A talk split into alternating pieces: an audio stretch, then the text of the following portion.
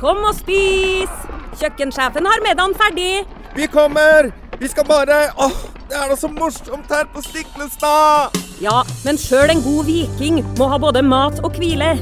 Og dessuten kan dere nå være noen dager. Velkommen til Scandic Stiklestad. Moderne fasiliteter i historiske omgivelser. Det var her det skjedde. Det er her det skjer.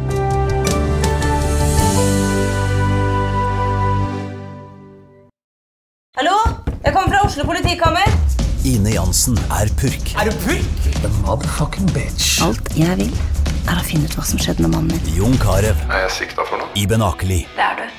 Ole So, Lars Berrum og Big Daddy Karsten. Hvem sin side er du på, egentlig? Anette Hoff, Tone Danielsen, Kommer du fra Afrika? Jørnis Josef, Nesten. Kløfta. Trond Espen Seim, Det er synd å si det, men det var feil mann som døde. Purk. Premiere tirsdag på TV2 Play.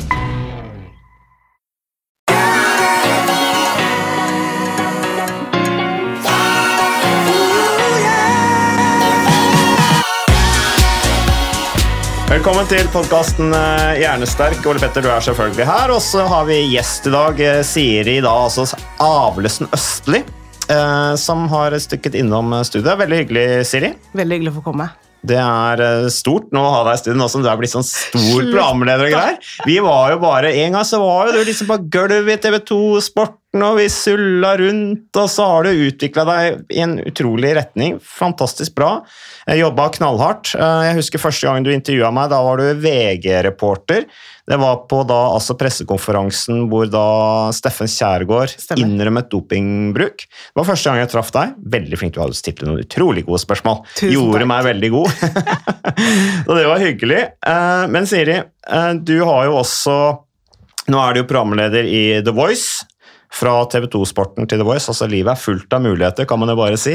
Men jeg kommer alltid til å være på gulvet, bare så det er sagt, Mats. Du har beina, beina på bakken. På Ja, du har det. Du har det. Så det er bra, Siri. Men eh, så har det jo vært igjen en, en del spennende ting. Du var jo på eh, først Kompani Lauritzen, og så da Skal vi danse.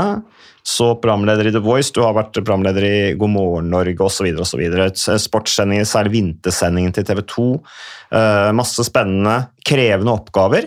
Eh, Så vi tenkte vi, Ole Petter, da er det jo litt naturlig at vi snakker litt om dette med prestasjon, å takle prestasjon, for det er jo litt sånn hjernesterk. Ja, men jeg må bare hente meg litt inn. Jeg er fortsatt starstruck, jeg, vet du. Ja, du er det, ja. Jeg er det sjøl, fordi jeg hører på poden deres og syns dere er fantastisk eh, dyktige folk. Så bra. Begge to.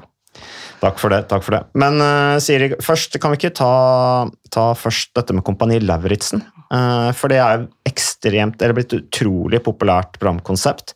Uh, jeg er veldig glad i det sjøl. har liksom halvt øye til ulike programkonsepter, men akkurat det der, det er så samlende for familien, da. Med barna, foreldre. Og det jeg liker med det, er at en del mennesker som kanskje trenger på en måte å bli utfordra. Eh, de har en del angst til den utfordringen, men så viser det seg at de takler det. eh, Og kommer ut av det en del også litt sterkere, for de får en del flotte erfaringer der. På relativt kort tid, hvordan opplevde du å være med på Kompani Lauritzen? Ekstremt spennende og utfordrende. Og mentalt krevende. Fordi du kan aldri slippe deg ned mentalt. Nei. For da kommer neste utfordring. Så må, og så blir du sliten, da, fysisk, og i starten så sov jeg ikke heller. Og da merka jeg at da blir du så tynnslitt, og så skal du da hele tida prestere på et nivå som gjør at du ikke ryker ut. Jeg var jo livredd for å ryke ut. Så den der prestasjonsangsten, den sitter jo ganske sterkt hver eneste dag der. Og så skal du jo hele tida ligge på et nivå som du kan stå for sjøl òg, og så er du på TV i tillegg. Så det har jo en veldig sånn fin cocktail, men samtidig så er det sånn Du blir så godt ivaretatt av befalet. Så alt er i så trygge rammer. Så du føler deg Det er en veldig trygg og fin arena å presse seg til det ytterste på, da. For Det er interessant med det befalet, fordi en, de skal liksom skikkelig utfordre deg og presse dere og det stramme dere opp og lære disiplin, men samtidig så er det denne omsorgen også, som er veldig oppbyggende. Altså når de, de bryter folk litt ned, og så bygger de de opp igjen. Eh, Det har man jo sett en del sånn, nesten litt sånn rørende eksempler på, syns jeg, det, det, det programkonseptet der. Eh, Men, eh, men når du snakker om at du ikke altså du, du, Det som slår meg med deg, Siri, er at du er, veldig, du er en veldig varm og omsorgsperson, men du, du er ganske kompetitiv. Ja, det er jo det. Det er har jeg alltid vært. Jeg har veldig lyst til å vinne. Ja. Jeg syns det er gøy, da. Å Ja. prøve å utfordre seg sjøl på det. Og så jeg blir jo ordentlig muggen da, hvis jeg taper. Ja. Liker det ikke. Det viktigste er å delta, men det er morsomst å vinne. Det er det. Ja, La oss sant? være enige. Ja. Ja. La oss slå det fast. Ja, nei, men Det er jo derfor du har gjort det bra der òg. Fordi jeg var jo med på Skal vi danse sjøl. Men jeg hadde jo så mange andre ting jeg drev med. at liksom, ja, ja, Kult å være med på det, liksom. Men jeg var ikke noe sånn veldig opptatt av at jeg skulle vinne. Jeg, jo, jeg måtte jo nesten gjøre meg til når jeg ble slått ut for liksom late som jeg var skuffa. For jeg var sånn, nå, da jeg var i grunnen ganske letta. Og så ringer du alltid det, ring, det ringte, Jeg vet ikke om du gjorde det med deg, men, men øh, det ringte en psykolog til meg dagen etter, en sånn som jobber for konseptet. Det er vel sånn rutine, tror jeg, og spør liksom, ja, hvordan går det med deg nå som du har slått ut. Ikke sant? Er du helt i kjelleren. Altså, ja, de burde jo ringt meg forrige uke mens jeg fremdeles deltok, sa jeg, for nå har jeg det jo bra. Nå er jeg ferdig med dette her. Nå kan jeg endelig være sammen med familien øh, og, og ha litt mindre å gjøre, liksom. For det tar jo åtte timer om dagen, det Minst, der. Ja. Eh, Men du opplevde jo også det stresset der ganske bra på, på kroppen med Skal vi danse. Jeg snakka litt med deg underveis der også.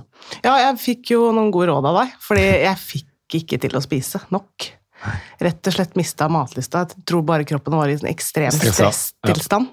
Hele tida på koreografi. Det eneste som tok eh, fokus, var å ikke drite seg ut på lørdag, på en måte.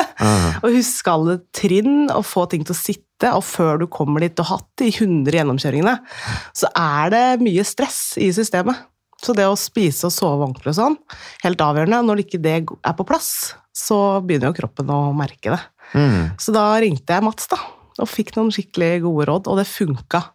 Og det å bare ha noen som sier det til deg hva du skal gjøre. Jeg veldig sånn, jeg liker å utføre. Kanskje derfor jeg likte meg i Kompani Lauritzen Trenbar. Du er Ja, trenbar, er du. jeg liker at folk sier hva jeg skal gjøre. Det synes jeg er veldig fint. Så gjør jeg det. Jeg utfører. Ah, ja, du får råd. Tenker at det er gode råd. Da bør jeg gjøre det. Men du var jo også sammen med altså, Du konkurrerte jo med Magnus Moan.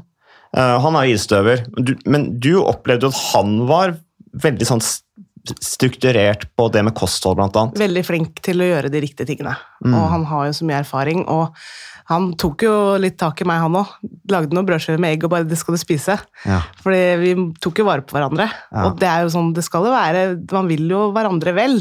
Og vil jo konkurrere under riktige rammer. At ikke noen må trekke seg fra at kroppen ikke funker, på en måte. Det er jo så unødvendig. Ja, nok av eksempler på det der også. Ja, Mm. for det blir et ekstremt stress i kroppen, og du merker det så veldig i hele systemet mitt. Eh, Jeg er nok litt sånn drevet av frykt for å mislykkes eh, i en viss grad, da. Mm. Og når den følelsen er bare sånn Nå kommer den lørdagen, og det sitter ikke, hodet er ikke med. Det vil seg ikke, på en måte. Og det er to dager til. Mm. Og da er det ikke mat og søvn det du får Nei. til nødvendigvis, da. Du har jo vært med på veldig mange sånne konsepter hvor du blir satt i en situasjon hvor du selvfølgelig er stressa. Eh, gjør skumle ting, nye ting. Kanskje ting du føler du ikke mestrer. Hva er det, har du lært deg noen grep du kan bruke gjennom alle disse programmene du har vært med på i? Ja, For hvordan du kan takle stresset? Absolutt. Jeg har jo pusteteknikker som egentlig min go to. Så jeg bare merker at jeg responderer veldig bra på. Altså At jeg får ned skuldrene og får pusten ned i magen. For det er ofte det for min del, at jeg får veldig pusten litt høyt, og at det begynner å banke i øra. Og så når du begynner å kjenne igjen de signalene, så bare ja, men det er jo det som skjer her nå. Du får ikke nok luft, rett og slett. Og det er så basic, da, men da har jeg en oppgave. Og i tillegg så har jeg merka at det å ha fokus litt ut, og sånn som på The Voice, og hjelpe deltakerne, at det ikke handler om meg, men nå er de mer stressa enn meg, Mm. da kan jeg hjelpe dem. Da roer jeg meg ved å kunne ta vare på andre. Men da er du litt mer til stede òg, på en måte. Ja. Litt mer sånn naturlig til stede utenom på en måte det som du skal lese opp, eller det som du har øvd på å si. Ikke sant? Det er noe med det å ha antennene med seg og følerne ute. Og være til stede og faktisk ta inn det som skjer, og kunne følge den neste pucken.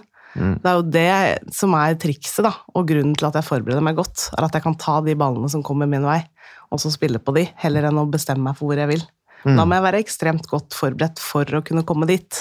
Mm. For å kunne ha den tryggheten og den roen da, i den rollen. Men på Kompani Lauritzen, hadde du noen mulighet til å forberede deg? Visste du, dere, for jeg visste vel ikke hva dere skulle møte? Nei, men jeg er jo nerd, da. På mange måter. Så jeg hadde jo brukt hele den sommeren til å forberede meg best mulig.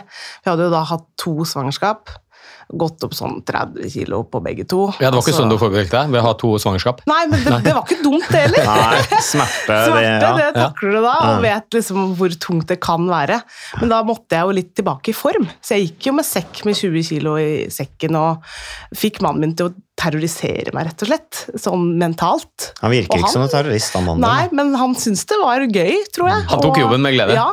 Så han satte meg igjen i skogen. Jeg hadde ikke snøring på hvor jeg var, og skulle finne til et visst punkt. Og dere gjorde sånn. Ja. Det var litt kult. Ja, det var gøy, men da var jeg kjente jeg stressnivået var ganske høyt, da. Han syntes det var ganske deilig. Kjørte kjerringa ut i skauen og reiste. Han Han slapp rett og slett av kona i skogen og stakk. Ja, så satt han og gliste på den tua. når Det er nok en del menn som drømmer om, altså. Ja, veldig, ja, ja, absolutt. Jeg byr på det. Jeg syns det var veldig utfordrende. Men jeg tror det var greit at den der Fenrik-perioden hans eh, var ferdig innen sommeren var over.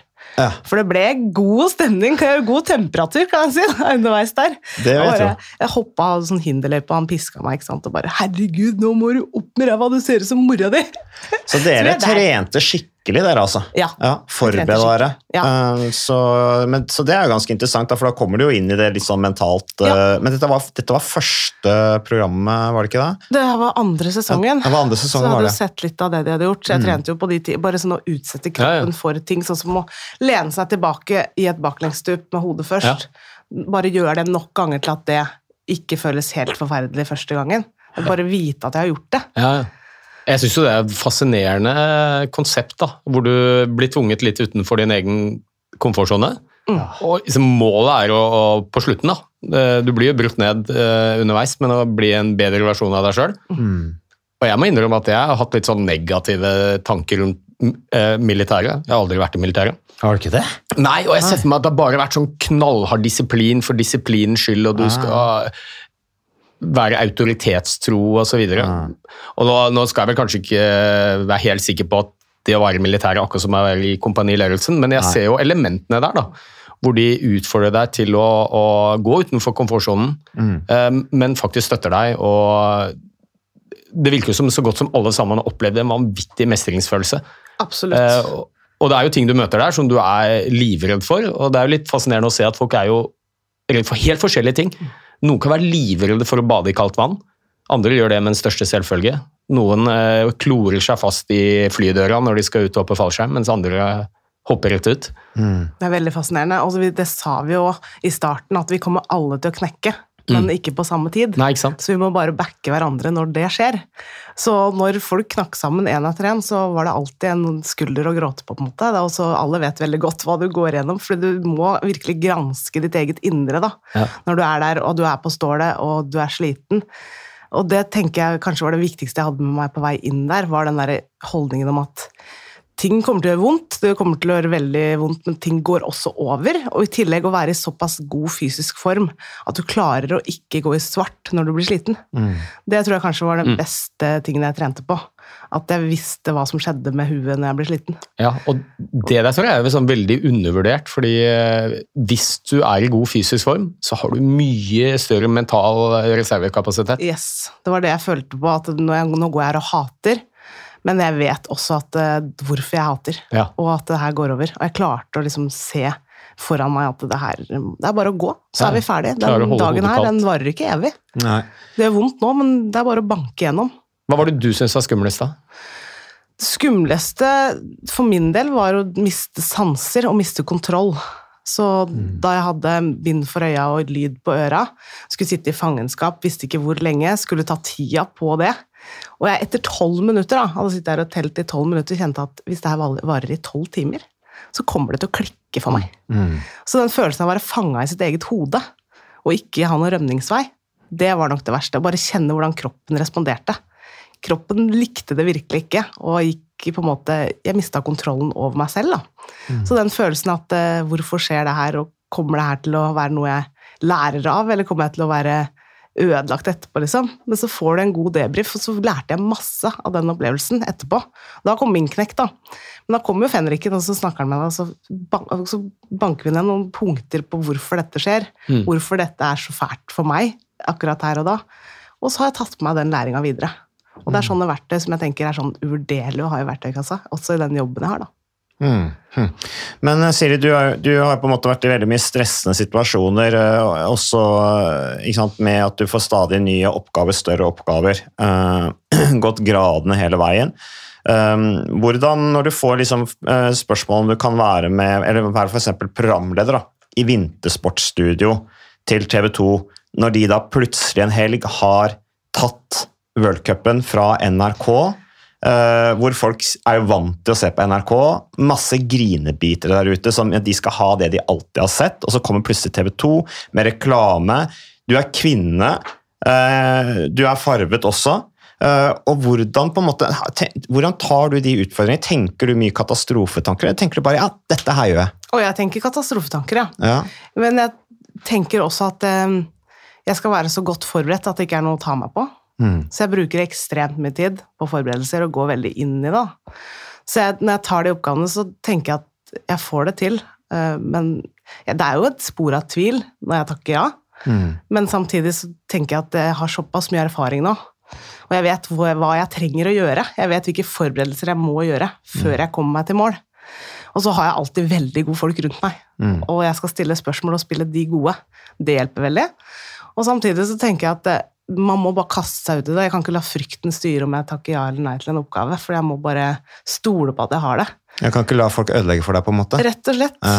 At jeg må bare stole på at jeg har det som skal til, og så når folk spør meg at de vet at jeg faktisk mestrer den oppgaven, jeg må stole på det òg. Men da er det jo åpenbart en Og det tror jeg er en veldig god mestringsstrategi. Være forberedt. Ja.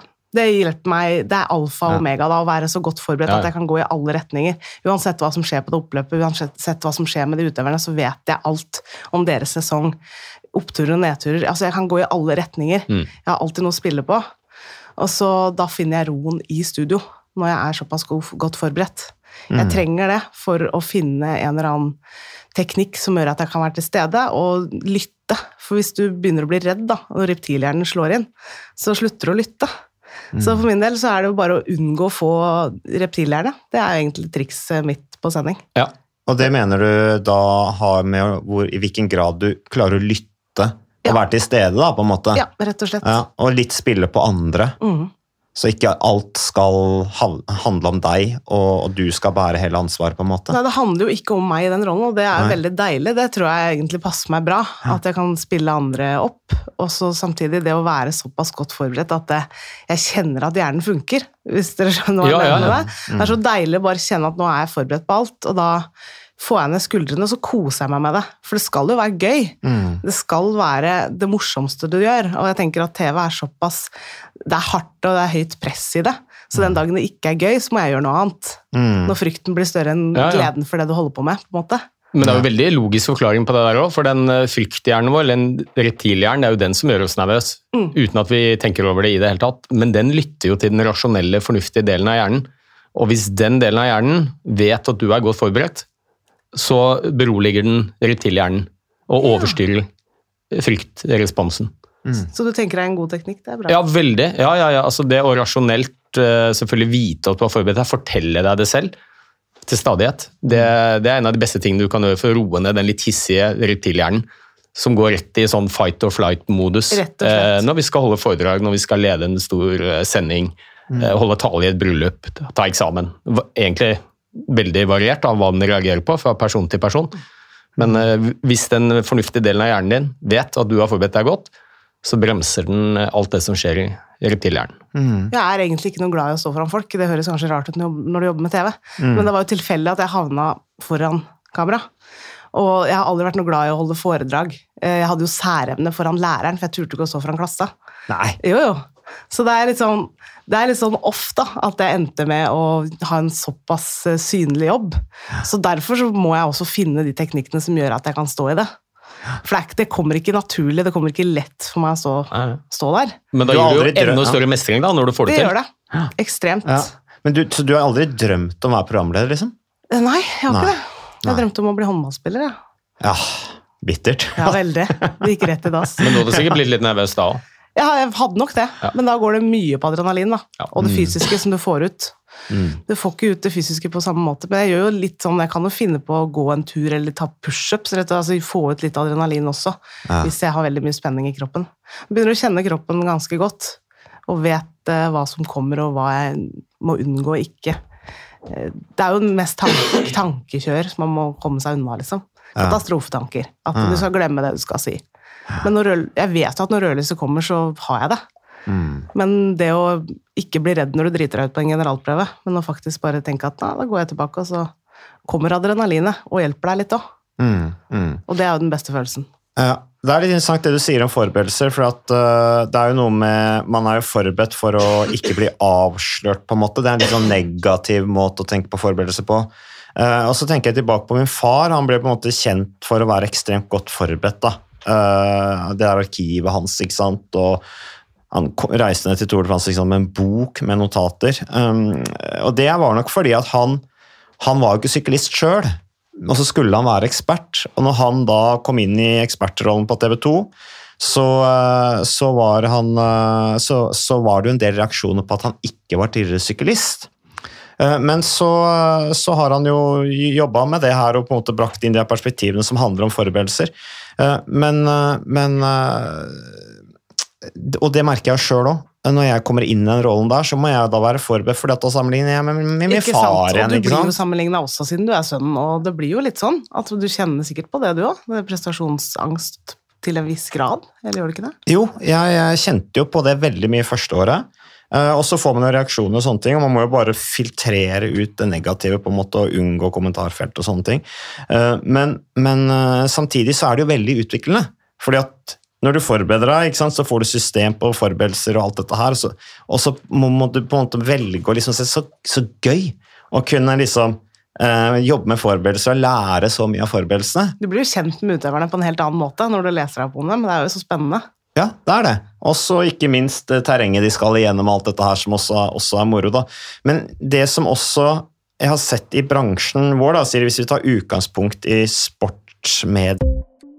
Ukas annonsør det er uh, HelloFresh. Og eh, hvis du nå går inn på hellofresh.no og bruker koden 'fresh hjerne', så kan du få opptil 1779 kroner rabatt på da de fem første matkassene dine hvis du ikke har prøvd HelloFresh enda.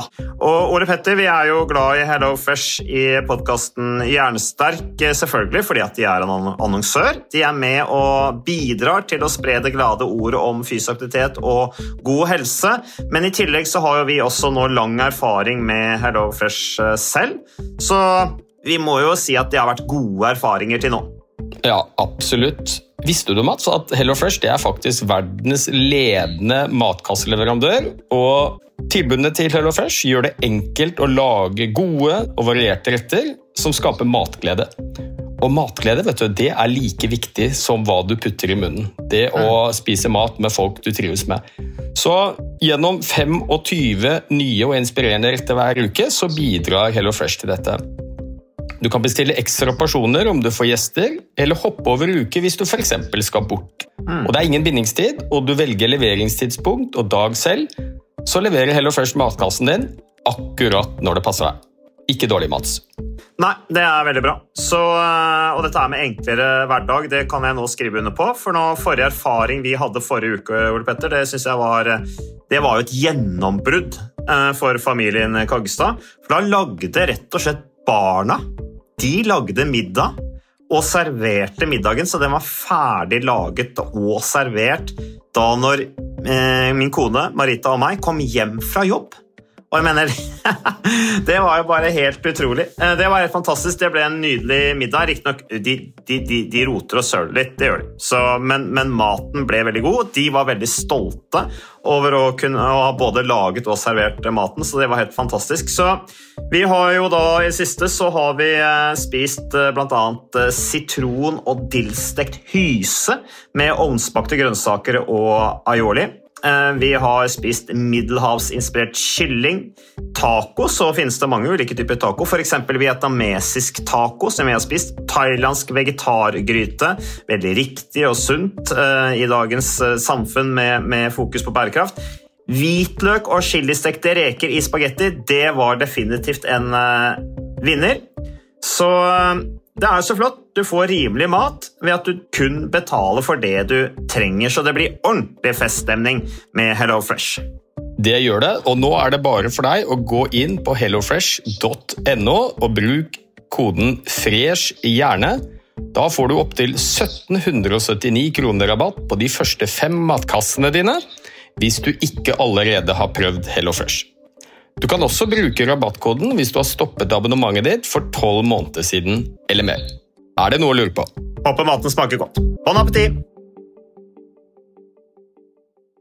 Ja, eh, det er jo at jeg har på en måte lagt merke til, eller jeg føler at jenter som får store, eller damer som får store roller i media, f.eks. deg når du i Tour de Ski ikke sant, skal lede de sendingene og sånne ting, eh, at, at de forbereder seg hardere enn det gutta gjør. Hva tenker du om det? Ut fra mitt eget eh, perspektiv så tror jeg kanskje du har rett i det. Mm. Og det tror jeg også har litt med å gjøre at i sportens verden, altså som kvinne, så kan du Det føles som at du ikke kan bli tatt på noe. At det fallhøyden er for stor hvis du har 'jeg vil ikke gjøre feil'. Altså virkelig ikke. Fordi jeg har ikke sånn som du sier, lyst til at folk skal tenke at ikke jeg kan jobben min. Mm. Og så føler jeg at du ligger litt lovligere for hugg når du er kvinne, dessverre. At Mm. det da i hvert fall føltes sånn på responsen opp igjennom. At det, vet ikke hva du driver med, har ikke peiling på det. Sånn som du sier med han som ikke hadde eh, drevet med sykkel. Men Mm. altså, hvis jeg da har eh, en sport som jeg ikke har holdt på med sjøl, at det er lettere å sette meg i den båsen, og det skal bare ikke skje, da. Så jeg har alltid forberedt meg ekstremt mye, og brukt faren din masse når jeg hadde friidrett, f.eks Mm. Og vært veldig obs på det. At jeg skal ha fakta. Ingen skal kunne ta meg på noe noen gang, og da må du forberede deg sånn at du nesten blir litt gæren. Mm. Men nå kan nok hende at jeg er litt ekstrem òg. Altså, jeg liker jo også den forberedelsesjobben. Jeg syns det er en veldig viktig del av rollen, da. Det å kunne stå i mixzone og så snakke med en utøver fra USA, så har jeg et par fakta på henne. Så får jeg plutselig et mye bedre intervju, for ja, du vet at bestemora mi sitter på tribunen. Mm. Så gøy! Og da kom Alison Felix også tilbake til meg neste gang og sa 'this is my girl', liksom. Ja, ja, Da får jeg litt ekstra. Og da bare merker jeg at det skal så lite til. Men de setningene har jeg brukt mye tid på å finne, da.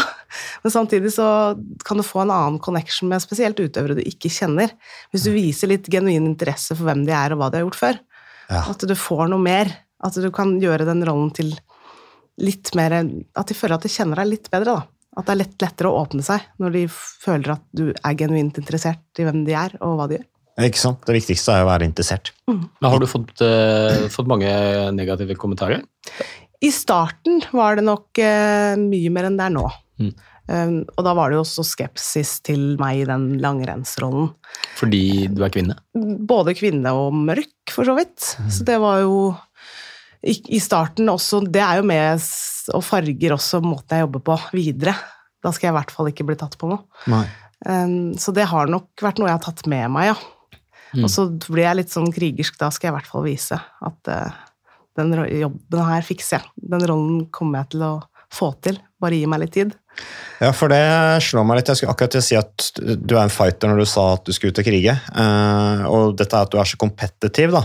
Men samtidig oppi det hele din egen drivkraft og lyst til å, til å vise og, og lyst til å vinne og lyst til å lykkes. Eh, men samtidig så er du jo Du er jo veldig eh, nysgjerrig som type og hvordan du skal fikse oppgaver, og du er veldig flink til å spørre om råd. Eh, det er, er jo en del av helheten, tenker jeg, at du har, klart deg så bra. At du har vært ydmyk da, ved at du har henvendt deg til andre og spurt om råd. Eh, er du, er du, tenker du noe på det selv? Er, er det viktig for deg? Liksom, er du flink til å se liksom, hvem er gode på ting, hvem kan jeg ta kontakt med og snakke med og få råd? Absolutt, og jeg føler at spesielt kanskje i vårt miljø som jeg har vært i lengst, da, i sporten, så er det så mange som er ekstremt gode til det de holder på med. Og vi er jo et team, og vi blir alle bedre av å dele den kunnskapen vi har. Og hvis folk har lyst til å få noe hjelp fra meg, så syns jeg det er veldig hyggelig å hjelpe til. Jeg bare tenker at det er litt sånn det å ha vært lagspiller, da, og spilt på lag i over 30 år. Så føler jeg at det er alltid noen egenskaper vi kan hjelpe hverandre å dele litt av. Og det gjør oss til sammen bedre. Og så merker jeg når jeg snakker i en halvtime med deg og så, Det er jo fire dager det, med å lese deg opp, liksom, som du bare leverer. Men så er jo du også ekstremt flink til å dele av din kunnskap, og det er så fint å få den hjelpa, for det gjør meg tryggere og ja, lykkeligere enn den jobben, når vi føler at vi gjør noe sammen. Det er så fint at vi kan gjøre det. Og så er du jo ekstremt god til å forberede deg. Mats, ja. Jeg? Du, ja. Hvor mange Ja. sider har du med notater nå til Tour de France? Nei, nå er det jo Tour de France i sommer, og da har jeg, jeg i snitt åtte sider eh, notater om hver etappe eh, bare om løypa. da. Mm. Eh, Så, og det er sikkert bare 15-20% av det jeg bruker, men det er noe med å bare ha det. Være trygg på at du har det, komme forberedt. Eh, Så jeg kunne sikkert gitt blaffen og bare tenkt at jeg skal cruise på, på erfaring og sånn. Det kan du gjøre noen år, men så blir du da avslørt, ikke sant? at du ikke gjør jobben. Ja. Og det er en viktig rolle. Folk sitter der og bruker tida si på å høre på deg. Og da tenker jeg at da, da må du ta den, det på alvor og levere, da. Ut, uten at jeg skal kopiere min far, og sånne ting, men det er liksom noe av det han har tatt med videre, det ønsker jeg å bygge videre på også sammen med resten av laget. da. Så, men på, på, på, på min måte og vår måte nå, ikke sant? sånn som Christian Påske som nå skal på en måte tilpasse seg min måte og gjøre ting på de tinga der. Så det er jo, det er jo lagarbeid hele veien som er, er kjempeviktig. Men Siri, øh, for min del altså, er jo fysisk trening viktig. Særlig de der, øh, når du er ute på Tour de France, og sånne ting, så prøver jeg å trene hver dag. Ja. Eh, og da må jeg gjerne stå opp tidlig eh, for å få det gjort. Og jeg trener ikke så mye, men en halvtime. ikke sant? Halvtime løping, hva det måtte være. Vi sitter jo stort sett bare. Eh, og det er, det er stort mentalt stress, og det har vi også Jeg husker i Dagens Næringsliv for mange år siden så var det om stressnivåene på TV 2-ansatte. Kortisolnivåene var skyhøye. Og det har jo noe med sant, prestasjonspresset og livesendinger og TV, og ting går veldig kjapt. um, og folk uh, skjerper seg veldig. Uh, men hva, gjør du, hva gjør du mellom slaga for å på en måte lade opp til nye viktige oppgaver? Trening er også veldig viktig for meg, og Mm. det har blitt mer og mer viktig. De siste ja, fem-seks åra så har det jo vært helt avgjørende, egentlig, for å ha det mentale overskuddet. Og jeg bare føler meg så mye bedre når jeg har fått en økt på morgenen hvis jeg skal ha sending. Den trenger ikke å være hard, helst ikke, Mm. men bare noe som er på Få pulsen lite grann, og føle at du har gjort eh, jobben før du skal på jobb. Det er liksom deilig, det òg. Mm. Så det er både det mentale og at jeg kjenner at kroppen er mer skjerpa. Så det har blitt en veldig viktig del av å gjøre seg klar. Mm. Så de siste Altså på The Voice nå, da, som jeg var ny i rollen nå Det er jo store sko å fylle. Mm. Altså, Mange seere. Kjempegod, ikke sant? Mye Masse som kan gå seere. gærent. Det er mye som kan gå gærent. Og så det da bare ta kontroll over det jeg faktisk får gjort noe med. Mm. Og da jeg satt på sykkelen og leste manus, satt eh, i kjelleren og bare tråkka gjennom og snakka med meg sjøl mens jeg sykla. Så får jeg også kjenne på det å ha høy puls mens du øver manus. Veldig nerd å gjøre, men det funka, da. For da fikk jeg også kjenne på hvordan det var liksom, å ha litt adrenalin i kroppen, og så pugge manus samtidig. Og når det funker, så tenker jeg da kan det funke på sending òg. Altså ha litt sånn utfordringer for seg sjøl. Har du delt disse tipsene med noen av deltakerne, eller? Nei, men jeg har delt mye om, om hvordan jeg forbereder meg. Ja. Det har jeg absolutt. Og jeg har jo tatt en og en til side og snakka med en og en før livesendingene. Og prøvd å forberede dem litt på hva de kan forvente seg, for det eksploderer jo når man går på live. Og så det å også si det her med fysisk trening, søvn, bare ha et mentalt overskudd, for det er et kjør. Og så I tillegg så blir det jo offentlig over natta. Så den erfaringen fra Skal vi danse har jo vært gull verdt inni den rollen. For det å liksom kjenne at kroppen knyter seg, jeg har jo kjent det sjøl, og kan dele hva gjør vi for å hjelpe deg hvis du kjenner at nå går rullegardina, på en måte. Mm. Så det har vært veldig nyttig Mm. på flere måter. Men det er absolutt trening er en viktig del av det. Og da sover jeg mye bedre òg. Mm. Da får jeg en god natts søvn før sending og ser det sånn Se på klokka, ja. Åtte timer der med sånn god kvalitet på søvnen. Da er vi der vi skal være.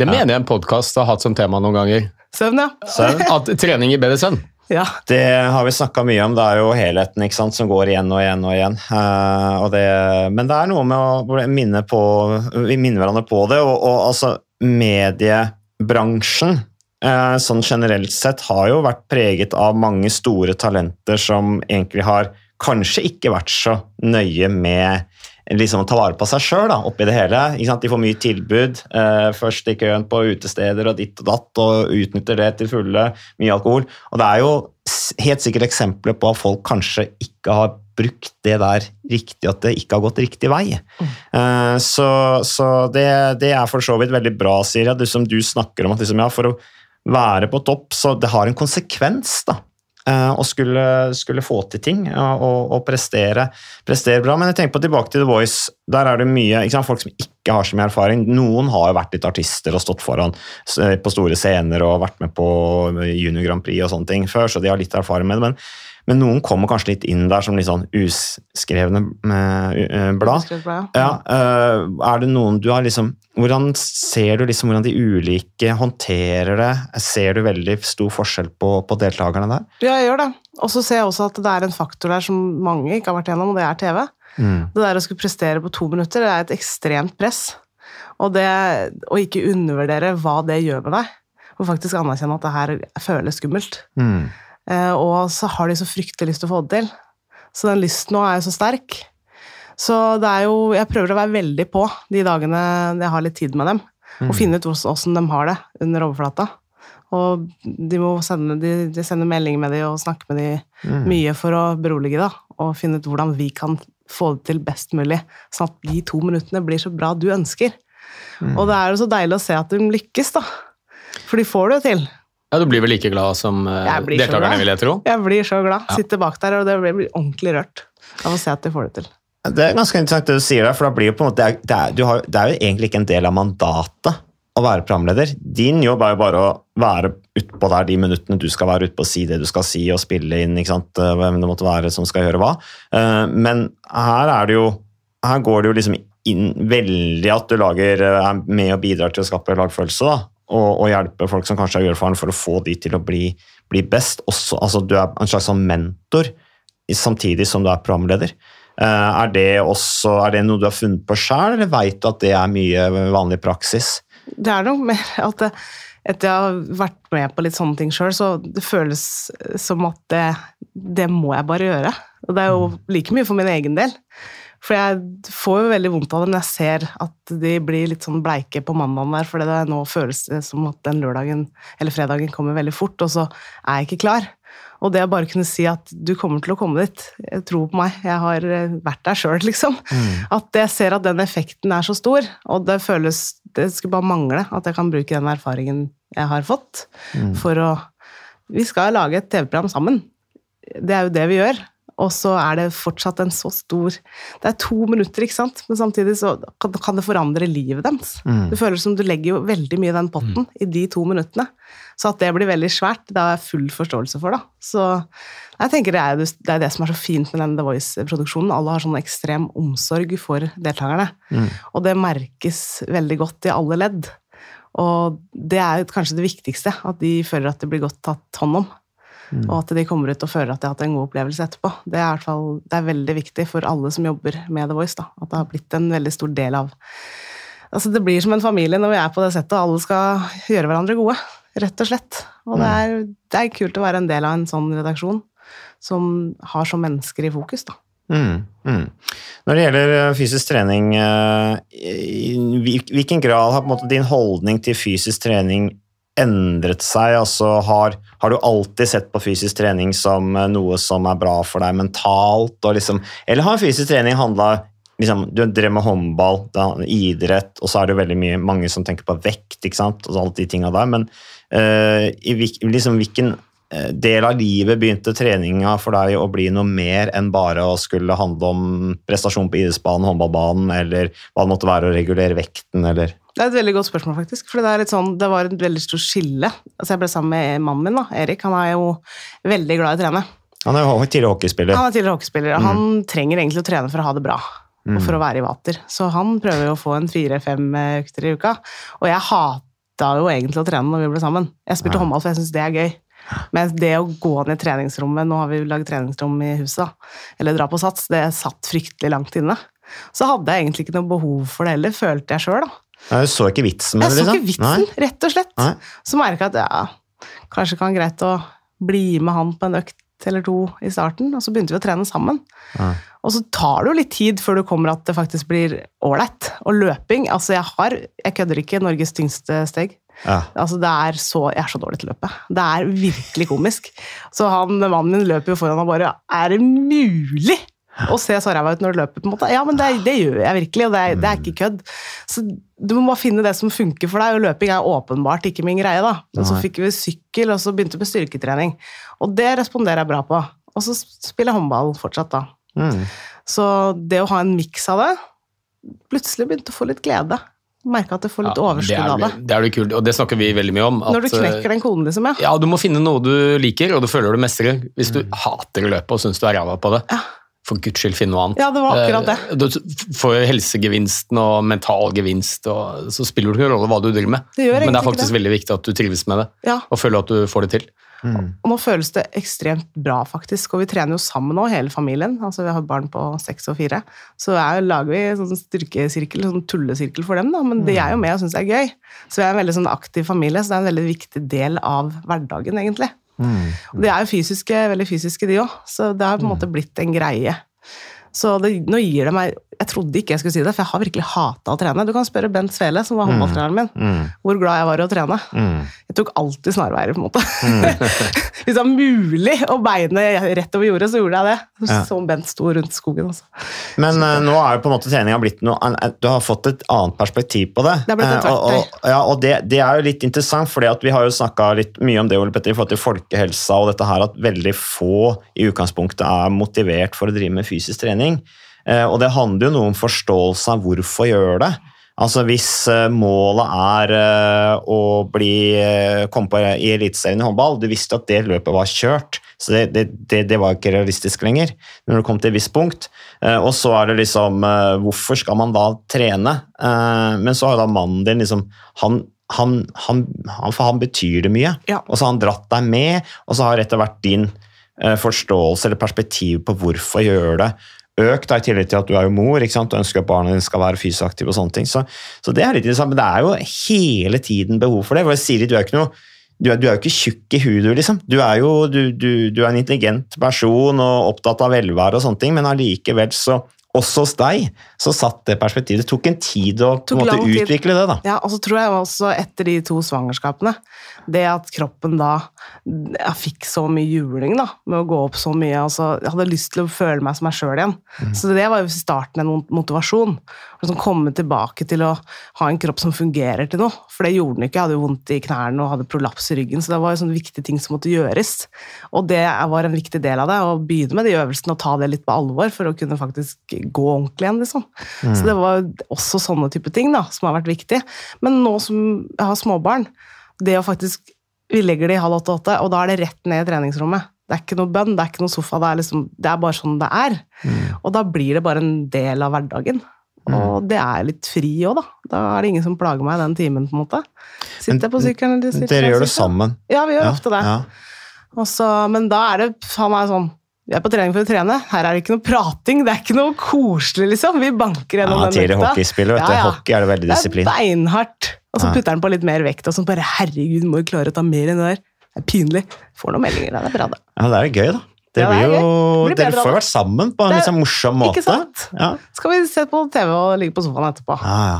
Deilig, det. Så det er jo på en måte Det er jo mer det òg, at man prioriterer litt annerledes òg. At Mm. tida ikke lenger går på å dra ut på byen, men nå er det digg å faktisk trene og se på TV og gå og legge seg, liksom. Mm. For det er et annet type liv, da. Så det er nok en slags modenhetsprosess. Det tok noen år. dit, dere også. Det tok noen år, altså. Ja, ja, det er bra. det er bra. Nei, men jeg tenker Vi eh, skal avslutte snart, Ole Petter. Når du brenner inne med spørsmål som vi ikke har fått inn eh, her mens vi har Siri på besøk. Nei, egentlig ikke så mange spørsmål, men eh, nei, jeg er også veldig fan av det der at hvis du, hvis du driver med et eller annet eh, som du ikke trives så godt med For deg så var det kanskje løping.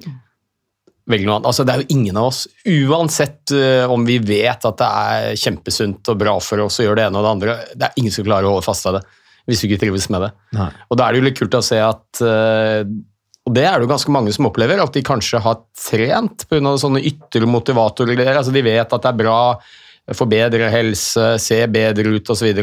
Men de klarer ikke å holde fast ved det. Helt til de finner ut at dette er faktisk et verktøy som er nyttig for meg i hverdagen. Absolutt. Eh, Det handler ikke om å se bedre ut eller gå ned i vekt, det er bare at jeg har det bedre, jeg takler stress bedre. Det blir viktig verktøy i hverdagen, Mm. og da, da tror jeg man klarer å holde fast ved det. Ja, og så tror jeg jeg føler at jeg har mer mentalt overskudd til barna òg, når det er mye mas og sånn. At jeg kjenner at jeg har det som trengs, da. Så det, men det hjalp meg veldig å ha pulsklokke, og ha liksom kontroll på hvordan jeg ligger an på hvor mye trening og balansen i treninga. Det har hjulpet meg veldig. Og så i tillegg så det å ha en treningsplan og på søndagene se på uka når kan jeg få klemt inn de fire-fem øktene. på en måte. Mm. Så er det mulig å løse, da, selv om det er hektisk. Så Mm. det skal inn i planen, og den planen, det er, hvis ikke jeg er sjuk, så skal det gjennomføres. Mm, og særlig når det er hektisk, Ja. så er det viktig, ikke sant? sånn at ikke du sier at ja, nå er det innspilling på The Voice, så nå har jeg ikke tid til å trene. Nei, det skjer ikke. Nei. Det er jo da det er viktig. Det er da det er viktig. For å takle stresset. Ja, og det å komme på kvelden og kjenne at nå har jeg gjort alt riktig den uka her, og sovet bra, spist riktig, eller spist ordentlig mat, på en måte, og lagt meg i tide, og trent. Mm. Da kan jeg mestre det å stå i høyt press, da. Samtidig som du kan ikke Det er jo begrensa hvor mye du får trent. Ja. Og det er viktig. ikke Det, sant? ikke Men litt det var en halvtime ja. med litt sånn pilates og mage og litt sånn yogabaserte øvelser, og så litt grann høy intensitet på slutten. Mm. Så det var bare for å få opp eh, hjertet litt. grann. Veldig bra, Siri. Tenk at du har kommet dit nå. Tenk deg det! Hæ? Legger ut voksen. hvordan det skal gjøres. Veldig bra, Siri. Tusen takk for at du ville komme hit til podkasten Jernsterk. Eh, Takk til deg, Ole Petter. I like måte. Takk for at du ville komme, Siri. Takk for at jeg fikk komme. Veldig hyggelig å være her. God sommer. God sommer!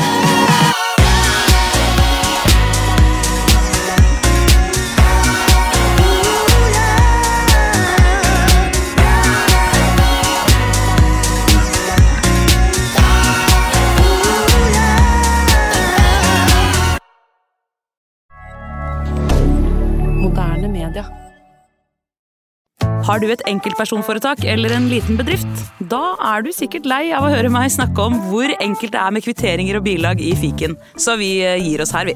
Fordi vi liker enkelt. Fiken superenkelt regnskap.